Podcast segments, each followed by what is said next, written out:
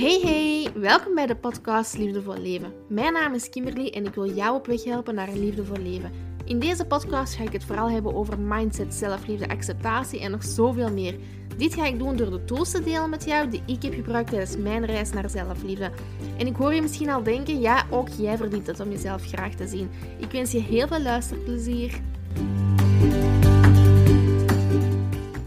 Hey, welkom terug bij een nieuwe aflevering van Liefde voor Leven, de podcast. Ik ben super blij dat jij er nog eens bij bent. En vandaag wil ik jou bewust maken van waar jij dankbaar voor kunt zijn. Je hebt dit waarschijnlijk al veel gehoord en je denkt misschien ook weer al van, allee, weer al iemand die het over dankbaarheid gaat hebben. Maar alles begint echt wel bij dankbaar zijn voor wat dat je hebt. Ik weet nog dat ik een paar jaar geleden naar mijn gevoel niks had waarvoor ik dankbaar was. Ik zag alleen maar wat dat er was gebeurd. Of ik dacht van, allee, moest ik dankbaar zijn voor wat dat er mij is aangedaan? Moest ik nu dankbaar zijn voor mijn verleden? Of voor de omstandigheden waarin ik ben opgegroeid? Dankbaar zijn omdat ik mij zo slecht voelde, waar moest ik nu eigenlijk dankbaar voor zijn? Dat was een vraag die ik mij heel veel stelde. Want ik vond echt niks waarvoor ik 100% oprecht dankbaar voor kon zijn. Ik zag alleen maar de negatieve dingen die in mijn leven waren gebeurd. Ik zag enkel en alleen maar de pijn die mij werd aangedaan en ik kon niks anders meer zien. Maar als ik dan heel goed begon na te denken, dan dacht ik van... Goh, eigenlijk mijn vriend, daar ben ik toch echt wel heel dankbaar voor. Die heeft heel veel voor mij gedaan. Die heeft heel veel voor mij betekend, nu nog. Want we zijn ondertussen bijna acht jaar samen. En nog een klein beetje. Mijn vriend heeft echt een keerpunt in mijn leven gebracht, dankzij hem. Ik was toen 15 jaar toen ik hem leerde kennen, dus eigenlijk nog redelijk jong. En ja, dat was eigenlijk iemand die dat mij heel hard erbovenop heeft geholpen. Niet alleen hij, maar ook zijn familie. Alleen zijn ouders dan vooral. Maar op dat moment was dat ook wel het enigste voor mij. Dat is heel erg voor te zeggen, maar ik had mijn vriend en voor de rest was ik eigenlijk niet echt gelukkig. Ik kon dankbaarheid ook niet 100% ervaren, of toch niet zoals dat moest. Ik zei wel van, oh, dank u, ik ben daar dankbaar voor. Maar ik geloofde nooit niet 100% wat ik zelf zei.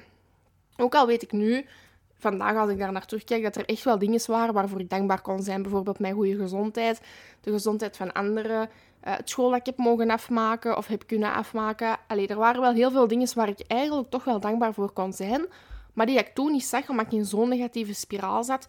En omdat ik gewoon het besef van dankbaarheid nog niet kende. Ik wist niet wat dat, dat gevoel oprecht was. En ja, als ik dan toen zo van die mensen zag die het dan ergens op deelden van oh, ik ben zo dankbaar voor deze of voor dat, ja, dan waren er toch wel... Allee, dan dacht ik toch wel van bepaalde dingen van Ik vind dat echt wel heel leuk voor die persoon, maar wanneer mag het iets aan mij zijn? Wanneer mag ik iets dankbaar zijn voor iets? Wanneer mag ik iets hebben voor dankbaar om te zijn? Ja, ik wist dat echt niet. Ik kon alleen maar denken aan wat aan mij was aangedaan en ja, dat andere mensen dankbaar konden zijn en ik niet. Dat was precies zo voor mij een... Ja, of, of iemand of iets blokkeerde dat voor mij, of dat was niet voorbestemd voor mij. Ik kon alleen maar aan de slechte dingen denken. En als ik daar nu bij stilstaan, dan weet ik ook wel dat dat deels de slachtoffer al was toen dat ik een beetje opnam. Ik vond niks waarvoor ik dankbaar was, omdat ik het deels niet wou en niet kon zien. Maar ook omdat ik nog steeds, naar mijn gevoel, een slachtoffer was.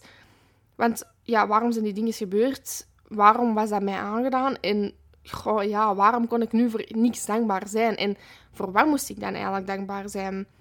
Misschien ben ik het wel niet gewoon waard. Allee, dat dacht ik toen. Misschien was ik het wel niet gewoon waard om dankbaar te zijn. Dat was de gedachte die constant omsprong in mij. Van, is het wel aan mij voorbestemd? Mag ik wel dankbaar zijn? Kan ik wel dankbaar zijn? Ja, dat is heel moeilijk om daar nu over te praten, omdat ik mij heel lang met die gedachte heb gekweld. Eigenlijk bijna heel mijn leven. Ik denk dat het laatste jaar daar eindelijk pas een beetje is tussen gekomen van dat ik echt wel oprecht dankbaar mag zijn voor dingen en dat ik ook wel echt oprecht dat geluk verdien. Nu, het, ja, het ding was dat al mijn andere gevoelens ook gingen blokkeren. Ik kon niet blij zijn, want ja, waarom moest ik dan juist blij zijn? Ik kon niet trots zijn, want op wat moest ik niet trots zijn? En zo vroeg ik me van alles af. Ik was me eigenlijk ontkwellen, omdat ik eigenlijk oprecht met al het slechte te blijven zien een slachtoffer bleef. En dat was gewoon makkelijker op die moment dan de goede dingen wel te zien, omdat je ziet altijd als je tien positieve dingen meemaakt of tien positieve reacties krijgt en je krijgt één negatieve reactie, dan gaan we sowieso naar de negatieve reactie zien. Want waarom reageert die persoon negatief? Waarom kan hij niet zoals de rest positief reageren? Hm, dan heb ik toch misschien iets verkeerd gedaan. Maar dat is niet altijd het geval. Dat is gewoon een andere persoon zijn mening. En iedereen mag zijn mening hebben. En als de ene persoon u leuk vindt en de andere persoon niet, ja, dan is dat ook zo. Je kunt niet altijd een people pleaser zijn. Je kunt niet iedereen kunt niet verwachten van iedereen dat hij om u gaat geven, dat hij van u gaat houden. Je kunt wel verwachten dat iedereen respectvol met u omgaat. Dat wel, want dat is wel... Allee, je moet gewoon respectvol omgaan met andere mensen. Maar je kunt niet verwachten dat iedereen u graag gaat zien of u leuk gaat vinden. Dat gaat niet. Dat is onmogelijk. Soms moet je je ook gewoon echt een tijd geven voor verder te gaan. Want we willen onszelf nogal het meeste. Waarom? Omdat dat het makkelijkste is. We gaan een ander geen pijn doen. Hè? We willen dat andere mensen gelukkig zijn. We willen dat mensen rondom ons een lach hebben. We willen andere mensen rondom ons upliften. We willen niet dat die verdrietig zijn. We gaan altijd rondom andere mensen werken. Maar waarom, we, waarom kunnen we niet lief zijn voor ons eigen als we dat ook bij andere personen doen? Het is zo gemakkelijk voor voor andere personen lief te doen, omdat je dat oprecht uit je hart wilt. Je wilt dat die persoon gelukkig is. Je wilt dat die persoon lacht. Je wilt niet dat die verdriet heeft. Als je dan diep in je eigen keert, wilt je dat ook voor je eigen? Ik denk dat wel, hè. Ik denk dat je voor je eigen ook wel wilt dat je gelukkig bent oprecht en dat je kunt lachen oprecht. En ik denk niet dat je dat je eigen toewenst voor ongelukkig te zijn. Dus waarom de lelijke woorden gebruiken tegen jezelf die je niet tegen andere mensen zou gebruiken? Daar moeten we eens even bij stilstaan.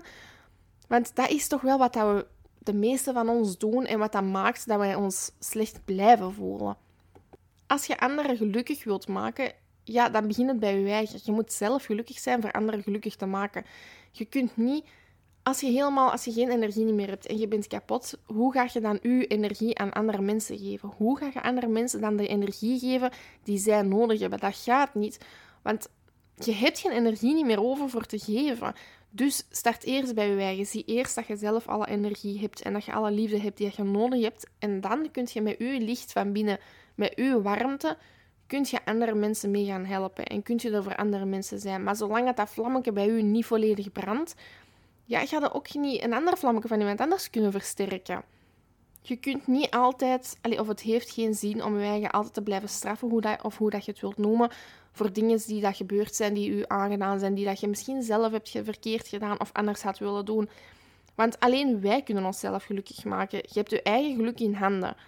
Bijvoorbeeld, bent je nu niet gelukkig in een relatie, dan is dat niet aan die persoon alleen, dan is dat aan u om een conclusie te trekken. Ja, waarom dat je niet meer, allee, waarom dat je in die relatie blijft terwijl je er niet 100% zeker gelukkig in voelt. Die persoon, je zult sowieso alle twee wel de kanten hebben. Um, een ruzie komt ook langs twee kanten. Maar de beslissing ligt nog wel bij u. De beslissing dat je neemt voor gelukkig te zijn, die ligt bij jezelf. En dat is wel heel belangrijk, dat als je ergens in zit waar je je niet fijn in voelt of je hebt geen fijne job, denk dan niet van, oh, maar ik moet die job wel doen, want er moet geld komen. Of denk dan niet van, ik moet die job wel doen, want dit wordt van mij verwacht. Nee, want je kunt naar die job gaan en je kunt je werk doen, maar daarna komt je thuis en hoe voelt je je dan? Je leven is niet alleen op je job alleen, die 8 uur of die 12 uur, hoe lang dat je ook werkt. Nee, dat is daarna ook, je moet daarna ook verder leven. En als je je dan niet gelukkig voelt, is het gewoon tijd voor conclusies te trekken van, goh, misschien ben ik wel niet gelukkig. Schrijf dan op wat dat je heel gelukkig maakt. Schrijf op wat dat je graag zou willen doen, wat dat je graag wil bereiken. En bekijk dan, oh, welke job zou daar bijvoorbeeld aan verbonden kunnen zijn? Waar vind ik die dingen die mij leuk vinden in? En als dat niet meer die job is, of niet meer die relatie, of niet meer die vriendschap, dan is het echt aan u de tijd voor uw geluk terug in eigen handen te nemen. Want iemand anders gaat het niet doen. Die andere persoon gaat niet zeggen van, goh, ik denk dat jij hier niet gelukkig bent, we zullen nu ontslagen. Nee. Allee, pas op, dat gebeurt ook. Maar in de meeste gevallen niet. Dus het is echt wel tijd dat je zelf wel beseft van, ben ik zelf wel 100% dankbaar voor die job? Is het die job wel die mij gelukkig maakt? Is het die vriendschap wel die dat mij gelukkig maakt? Dat is heel belangrijk. Wij zijn niet op de wereld gekomen voor anderen alleen maar gelukkig te maken. Wij zijn niet op de wereld gekomen zodat andere mensen ons gelukkig kunnen maken. Nee, want dat moeten we zelf doen. Je kunt wel iemand blij maken en ervoor zorgen dat iemand uh, zijn geluk wordt versterkt. Maar een geluk zelf, dat moet je zelf vinden. Dat begint allemaal bij je eigen. Iedere persoon zorgt voor zijn eigen geluk. Je kunt dat wel versterken. Dus ik kan wel het geluk van een ander versterken of ik kan iemand blij maken. Dat wel. Maar echt het oprechte geluk in je hart, daar moet je het meeste zelf voor zorgen. Daar moet je zelf werk voor verrichten. Dat is uw ding, uw job op deze wereld, voor dat zelf in handen te hebben. Dat is wat ik in de vorige aflevering ook heb gezegd. Het, omdat het wel zo is, ik blijf dat herhalen. Slachtoffer blijven ja, van de dingen die je zijn aangedaan, dat is gewoon makkelijker dan dat je aan je eigen moet werken. Want dan moet je de confrontatie niet aangaan met jezelf. En ja, daar, goh, daar beginnen we ook niet snel mee. We gaan niet zeggen tegen ons eigen van, goh, oh, kindje, je je eigen slecht. We zullen er vandaag eens goed voor gaan en we gaan eens buiten wandelen en dat gaat kei zijn. En laat die gedachten gewoon gaan en die zullen direct weggaan wanneer je buiten komt. Nee, want dat is werken aan je eigen. Dat is je eigen uit je zetel sleuren, dat is je eigen aankleden, dat is je eigen opmaken. Dat is je eigen klaarmaken voor naar buiten te gaan. En dan de stap van als je klaar bent voor die drempel af te gaan en echt buiten te komen. Ja, dat is de stap die je zelf moet nemen. Er gaat geen stemmetje op je schouder zijn die zegt van kom, alles is weg. Dat gaat niet. Uh, we moeten dat zelf doen. Hoe moeilijk dat dat ook is, ja, zo is het nu eenmaal. Dat is heel hard om te horen, maar het is nu eenmaal dat we zelf die stappen moeten nemen. Dat we zelf ervoor moeten zorgen dat wij uit die zetel komen. Nu, voor de magie van het leven terug onder ogen te komen, of hoe dat ik het toch noem, ehm, ja, moeten we de confrontatie dus aangaan met onszelf. Maar we moeten ook wel gaan zien wat dat ons zo maakt. Welke problemen dat er zijn, welke obstakels dat er zijn, waar dat je je niet goed in voelt. Dat moet echt wel onder ogen komen, want we kunnen ook niet de stap gaan overslagen en van super ehm, ongelukkig of niet gelukkig, zal ik het noemen, ineens van de ene op de andere dag naar super gelukkig gaan. Dat kan niet. Er is een stap tussen. En die stap is onder ogen komen wat dat juist het probleem is. Wat maakt dat je zo voelt? Wat maakt dat je verdrietig bent? Wat maakt dat je boos bent? Dat zijn dingen die we moeten aannemen. We moeten dat aanpakken zodat we daarna verder kunnen gaan en zodat we dat daarna achter ons kunnen laten en zodat we weten wat dat onze struikelblokken zijn in het leven. Wat kan bijvoorbeeld een trigger zijn waardoor dat je terug wat ongelukkiger zou worden? Is dat een job die dat je moet doen omdat je dat niet graag doet, maar je wordt daar wel intens ongelukkig van? Dan gaat dat geluk er nooit niet 100% komen. Dat is een cirkel, dat blijft gewoon gaan. Dus het ding is dat we die problemen onder ogen moeten komen. We moeten die problemen aanpakken en dan moeten we verder kunnen gaan. Dus slaag die stap niet over. Denk daar even goed bij na van wat zit er mij op deze moment dwars voor echt 100% oprecht dankbaar te zijn. Nu, er zullen sowieso problemen zijn die je niet kunt oplossen. Maar waarom zouden die dan ja, zouden langer onze tijd gaan verspillen aan problemen die we niet kunnen oplossen? Bij mij, in mijn geval, is dat bijvoorbeeld, ik heb een probleem in mijn hoofd en ik blijf daarover malen, ik blijf daarover piekeren. Dat zijn dagen, nachten, weken, maanden soms zelfs die voorbij gaan, omdat ik voor dat probleem een oplossing wil zoeken. In mijn geval was dat dan vooral wat dat mij is aangedaan geweest. Ik vroeg me dan altijd af van, waarom is mij dat aangedaan? Misschien moet ik als persoon veranderen, misschien ben ik als persoon niet goed genoeg, misschien moet ik anders in het leven gaan staan, mijzelf anders kleren, er anders uit gaan zien, dan gaan mensen mij wel graag hebben. Nu, maar dat is een probleem dat zich heeft voorgedaan. Dat is gebeurd, dat is verleden tijd. Dat is geen probleem dat zich in het nu bevindt. Want op deze moment wordt mij niks aangedaan. Op deze moment uh, word ik bijvoorbeeld niet mishandeld, word ik niet gepest, uh, word ik niet lelijk genoemd. Ik, zeg, ik noem maar dingen op die daar wel echt effectief gebeuren. Maar op deze moment is dat niet aan de orde. Dus waarom zou ik dan die problemen in mijn hoofd ja, blijven aanhalen voor daar maar een oplossing voor te gaan verzinnen, terwijl ik zelf weet van, hmm, Kimberly, dat is gebeurd. Waarom zou je daar nog een oplossing voor moeten zoeken? Dat is een, een voorbeeld, dat kunnen op andere dingen ook zijn. Maar dat is wel heel belangrijk, want we gaan vaak heel veel problemen projecteren in ons hoofd die dat gebeurd zijn geweest. En je zou natuurlijk niet willen dat dat teruggebeurt als je vroeger zware pest bent geweest, bijvoorbeeld. Ja, je wilt dat niet terug. Je wenst ook niemand dat niet toe. Dus wat gaan we doen? We gaan ervoor zorgen dat we ons veranderen. De dingen die ze tegen ons hebben gezegd, bijvoorbeeld je bent te mager of je bent te dik, wat gaan we doen? Ze vonden mij vroeger te dik, dus ik ga er nu voor zorgen dat ik voor altijd mager ben. Dan kunnen ze mij nooit niet meer dik noemen. Of je wordt te mager. Dan ga je zorgen dat je dikker wordt, dat, je, dat ze je nooit meer te mager noemen. Zo'n ding is. We gaan dat projecteren op onszelf en we gaan ervoor zorgen dat ze dat nooit meer tegen ons kunnen gebruiken. Door middel van dat eigenlijk te veranderen. Maar waarom zouden we dat doen als dat in het verleden was? En waarom zouden we dat doen als we er nu beter mee zouden kunnen omgaan? Want dat is ook een hele belangrijke. Als we u te dik, te mager, te lelijk, noem maar op, waarom zouden we ons dat aantrekken? Als wij 100% gelukkig zijn en als die mensen ons niet gelukkig maken, dan hebben wij die mensen ook niet nodig in ons leven. Dus waarom in de plaats van die problemen altijd terug projecteren op het nu, gaan we die mensen niet gewoon loslaten en gaan we ons niet gewoon focussen op de mensen die daar ons heel veel energie geven, goede energie. Want je kunt een energie blijven geven aan negatieve dingen, maar dan gaat ook negatieve dingen, negatieve energie eruit halen als je je energie steekt in heel dingen die dat je zoveel uh, positieve energie geven, die dat je een positieve gevoel geven, dan gaan wij alleen maar positiever in het leven staan. Gaan wij alleen maar meer energie hebben en meer energie kunnen weggeven. Dus ja, dat is toch een belangrijke voor even over na te denken van welke mensen of welke dingen of welke gebeurtenissen heb, heb ik op dit moment in mijn leven die mij nu zo ehm, ja, ongelukkig of verdrietig maken? Zou ik die los kunnen laten of niet? Zou ik daar niet beter tegenover kunnen staan? Of neem ik dat misschien allemaal zelf te hard op? En daarmee wil ik bedoelen, de dingen die gezegd kunnen worden, kunnen veel pijn doen. Maar je kunt er anders tegenin staan. Je kunt ook zoiets hebben van, goh, ik ga mij daar helemaal volledig door laten gaan. Want inderdaad, ik ben echt dik, ik ben echt lelijk. Dus ik ga vanavond chocola in de zetels eten en ik ga chips pakken, en, want ik ben toch al dik. Of je kunt denken van, maar zeg, eigenlijk, ik zie mijn eigen niet zo. Dus waarom zouden mensen dat zeggen? Misschien omdat die mensen zelf complex hebben en omdat ze hun zelf nog niet het gevoel hebben gekregen dat wij, waar wij zelf naar op zoek zijn. Dus relativeer dat, probeer dat gewoon even te laten gaan.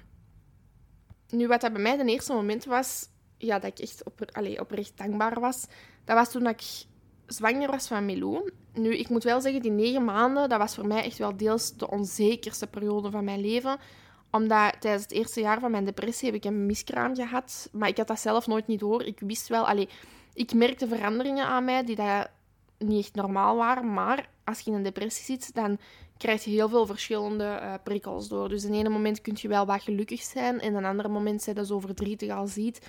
Dan zijn je weer boos. Dus dat wisselt heel hard af. Nu, die emoties, dat springt gewoon in je hoofd heel tijd op en neer. Dat zijn allemaal mannetjes die verschillende frequenties sturen. Dat zijn allemaal mannetjes die verschillende dingen zeggen. Dat zijn duizenden duiveltjes op uw schouder, duizenden engeltjes op uw schouder. En die blijven precies allemaal maar tegen u babbelen. Dus op die moment had ik, had ik niet door dat mijn lichaam eigenlijk fysiek was aan het veranderen. Dus ik werd misselijk, ik was moe, maar dat hoort bij depressies ook. Ik heb ook verschillende periodes gehad dat ik ineens heel ziek was door de depressie. Dus ik dacht van, het zal wel weer gewoon even een minder momentje zijn.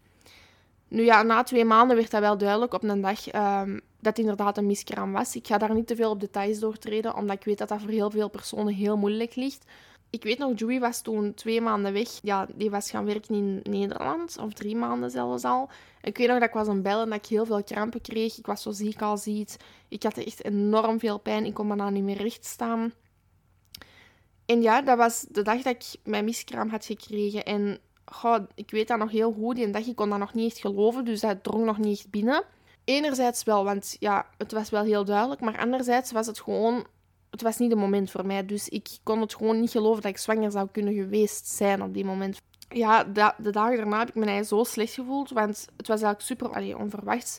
De zwangerschap was ook niet echt... Ja, hetgeen wat ik op die moment had wat ik wou op die moment, want dat had gewoon niet goed op zijn plaats gezeten. Dat had gewoon echt totaal niet het juiste moment geweest voor mij. Maar toch had ik zoiets van, ja, mijn lichaam laat mij weer al in de steek. Ik heb mijn lichaam zoveel pijn gedaan en nu denken ze van hierboven van, goh, we gaan die eens kloten, want die heeft haar lichaam kapot gemaakt, die verdient dat niet. Dus ik was, ik was me echt ontkwellen en ik voelde me zo... Goh, ik was er echt kapot van. Ik, ik dacht echt van mijn lichaam... Dat is één ding dat mijn lichaam goed moest doen en zelfs dat kon ik niet aan. Uh, ik had mijn, mijn eigen en mijn lichaam zo in de steek gelaten. Ik had echt gefaald als persoon. Niet alleen als toekomstige mama, maar ook als vriendin. Want hoe moest ik dat nu gaan vertellen aan Joey, terwijl we nog niet eens wisten dat ik zwanger was en ik had dan ineens een miskraam. Ik voelde me eigen echt enorm hopeloos. Dat was gewoon echt ja, schuldgevoel en ik haatte mijn eigen. En ja, het enige wat ik ook op die moment kon denken was, ja, dat is gewoon mijn lot niet. Ik mag gewoon niet gelukkig worden en ik mag gewoon niet gelukkig zijn. Daarom dat ze dat hadden afgenomen van mij. Dat was mijn gevoel. Maar na een paar weken daarna en na veel praten met mensen, ja, dan kwam ook wel meer en meer het besef van, het is gewoon beter zo. Er was gewoon iets mis met dat vruchtje en mijn lichaam heeft dat eigenlijk gewoon echt op een heel mooie natuurlijke manier afgestoten. Waarom zeg ik heel mooie natuurlijke manier? Omdat het is heel natuurlijk gekomen. Ik heb niks van pilletjes moeten nemen, ik heb geen curettage moeten doen. Het universum, ja, volgens mij wisten ze gewoon boven dat dat niet het juiste moment was en dat ik er gewoon niet klaar voor was om mama te worden. En dat ik er gewoon op die moment ook geen vertrouwen in zou hebben gehad. Omdat ik gewoon heel allee, te diep zat. Dus waar ik dan wel terug vertrouwen in had, is in het universum, in het feit dat ze zoiets hadden van Kimberly kan dat op deze moment niet. Die kan dat nu niet aan, dat is niet het juiste moment, maar ooit zal ze wel mama worden. Ik had daar heel veel vertrouwen in. Dus toen ik daarna een paar maanden later zwanger werd van Milou, dan was ik echt wel heel verschoten, heel hard verschoten, maar enorm blij. Maar ja, dat blij zijn, dat werd heel snel overschaduwd. Want ja, ik had nog de gevoelens van dat ik zo onzeker was en zo bang was van een miskraam terug te krijgen. En dat mama voor mij echt niet gegund was. En ja, ik was dus elke dag gewoon echt bang voor Milou te kunnen verliezen. Maar Dat is ook omdat mama worden, ja, dat is altijd al mijn droom geweest. Van kinds af aan wist ik al van, dat ga ik worden. Ik zei niet altijd van een job of zo, ik zei gewoon, mama word ik. Dus dat was niet van, ik ga schilder worden, nee, dat was gewoon mama worden. Dus dat is eigenlijk iets heel grappig, maar dat is gewoon echt iets wat ik altijd zo graag alleen wou. Dus ja, heel zwangerschap lang heb ik dan schrik gehad. En ja, mijn geluk werd gewoon deels overschaduwd door de depressie en de hormonen. Want dat was een heel grote uh, shock op mijn lichaam op die moment. Dus dat maakte het er natuurlijk niet gemakkelijker op. Mijn gemoed dat was ook heel hard verwisselend. De ene moment ja, was ik enorm blij. En voelde ik ook echt enorme dankbaarheid voor mijn zwangerschap. Maar een ander moment dacht ik ook van... Ja, allee, wanneer gaan ze het weer al afnemen van mij? Ik was er gewoon echt zeker van dat dat zou gebeuren. Ik was echt ja, op sommige momenten was ik echt aan bieden van alsjeblieft neem mij deze niet af, want dat was echt het enige waar ik mij nog aan kon optrekken. En ik wist ook dat ik een goede mama zou zijn. En ook al was ik bang dat ik niet het recht had voor gelukkig te zijn, ik durfde, niet geluk... Allee, ik durfde gewoon niet te genieten van de zwangerschap. Dus ene momenten dan had ik echt mijn hand op mijn buik en dan voelde ik zo shotten en dan was ik zo blij, want dat was echt een stampertje ons Milou. En andere momenten had ik zoiets van, het gaat gedaan zijn.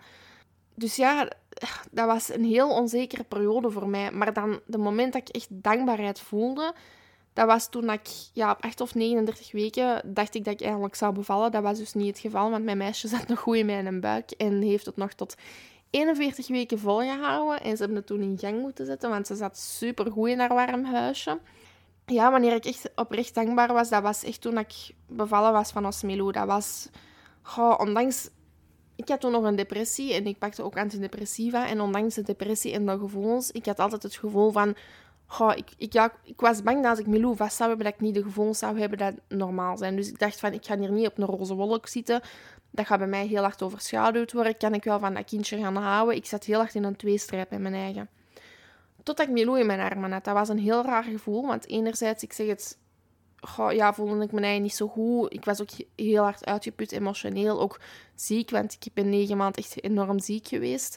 Maar anderzijds was ik zo dankbaar, zo blij. Het gevoel dat ik toen in mijn hart kreeg, toen ik Milou in mijn armen had en toen ik besefte dat ik een kindje op de wereld had gezet, dat mijn lichaam, mijn prachtige lichaam, dat heeft volgehouden. Want ik noem het nu echt... Ik vind het geweldig wat een vrouwenlichaam allemaal kan dragen tijdens een zwangerschap. Hoe hard dat we kunnen veranderen met ons lichaam. Ik vind het gewoon echt heel mooi om te zien.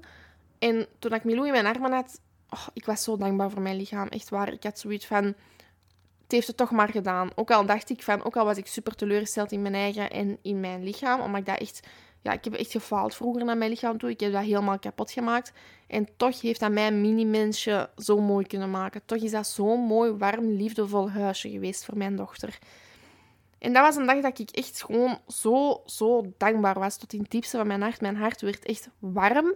Ik heb zo'n gevoel nog nooit van mijn leven gevoeld. Dat was zo het gevoel van, ik moet hier nu voor een mensje gaan zorgen. Dat is mijn dochter. Dat komt op mijn buik. En dat is allemaal van mij gemaakt. Mijn bloed stroomt daarmee door, samen met de man waarvan ik zoveel hou.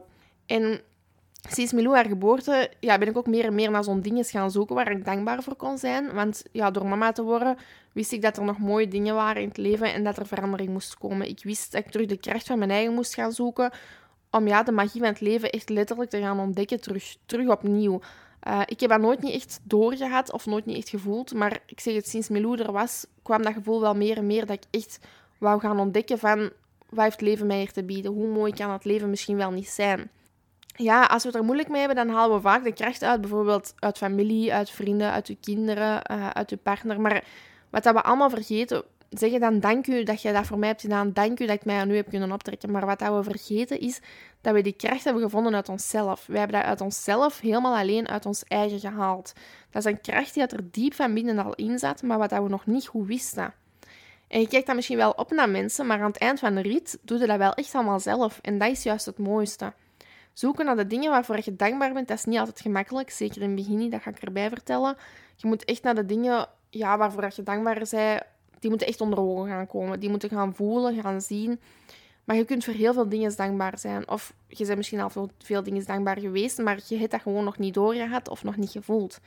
En het belangrijkste is nu echt wel dat we gaan zoeken naar de dingen waarvoor je dankbaar bent. Ik ben er echt van overtuigd dat dankbaarheid heel veel kan veranderen in je leven. Het kan je gemoed gaan verbeteren, want je gaat beseffen dat er mooie dingen in het leven zijn.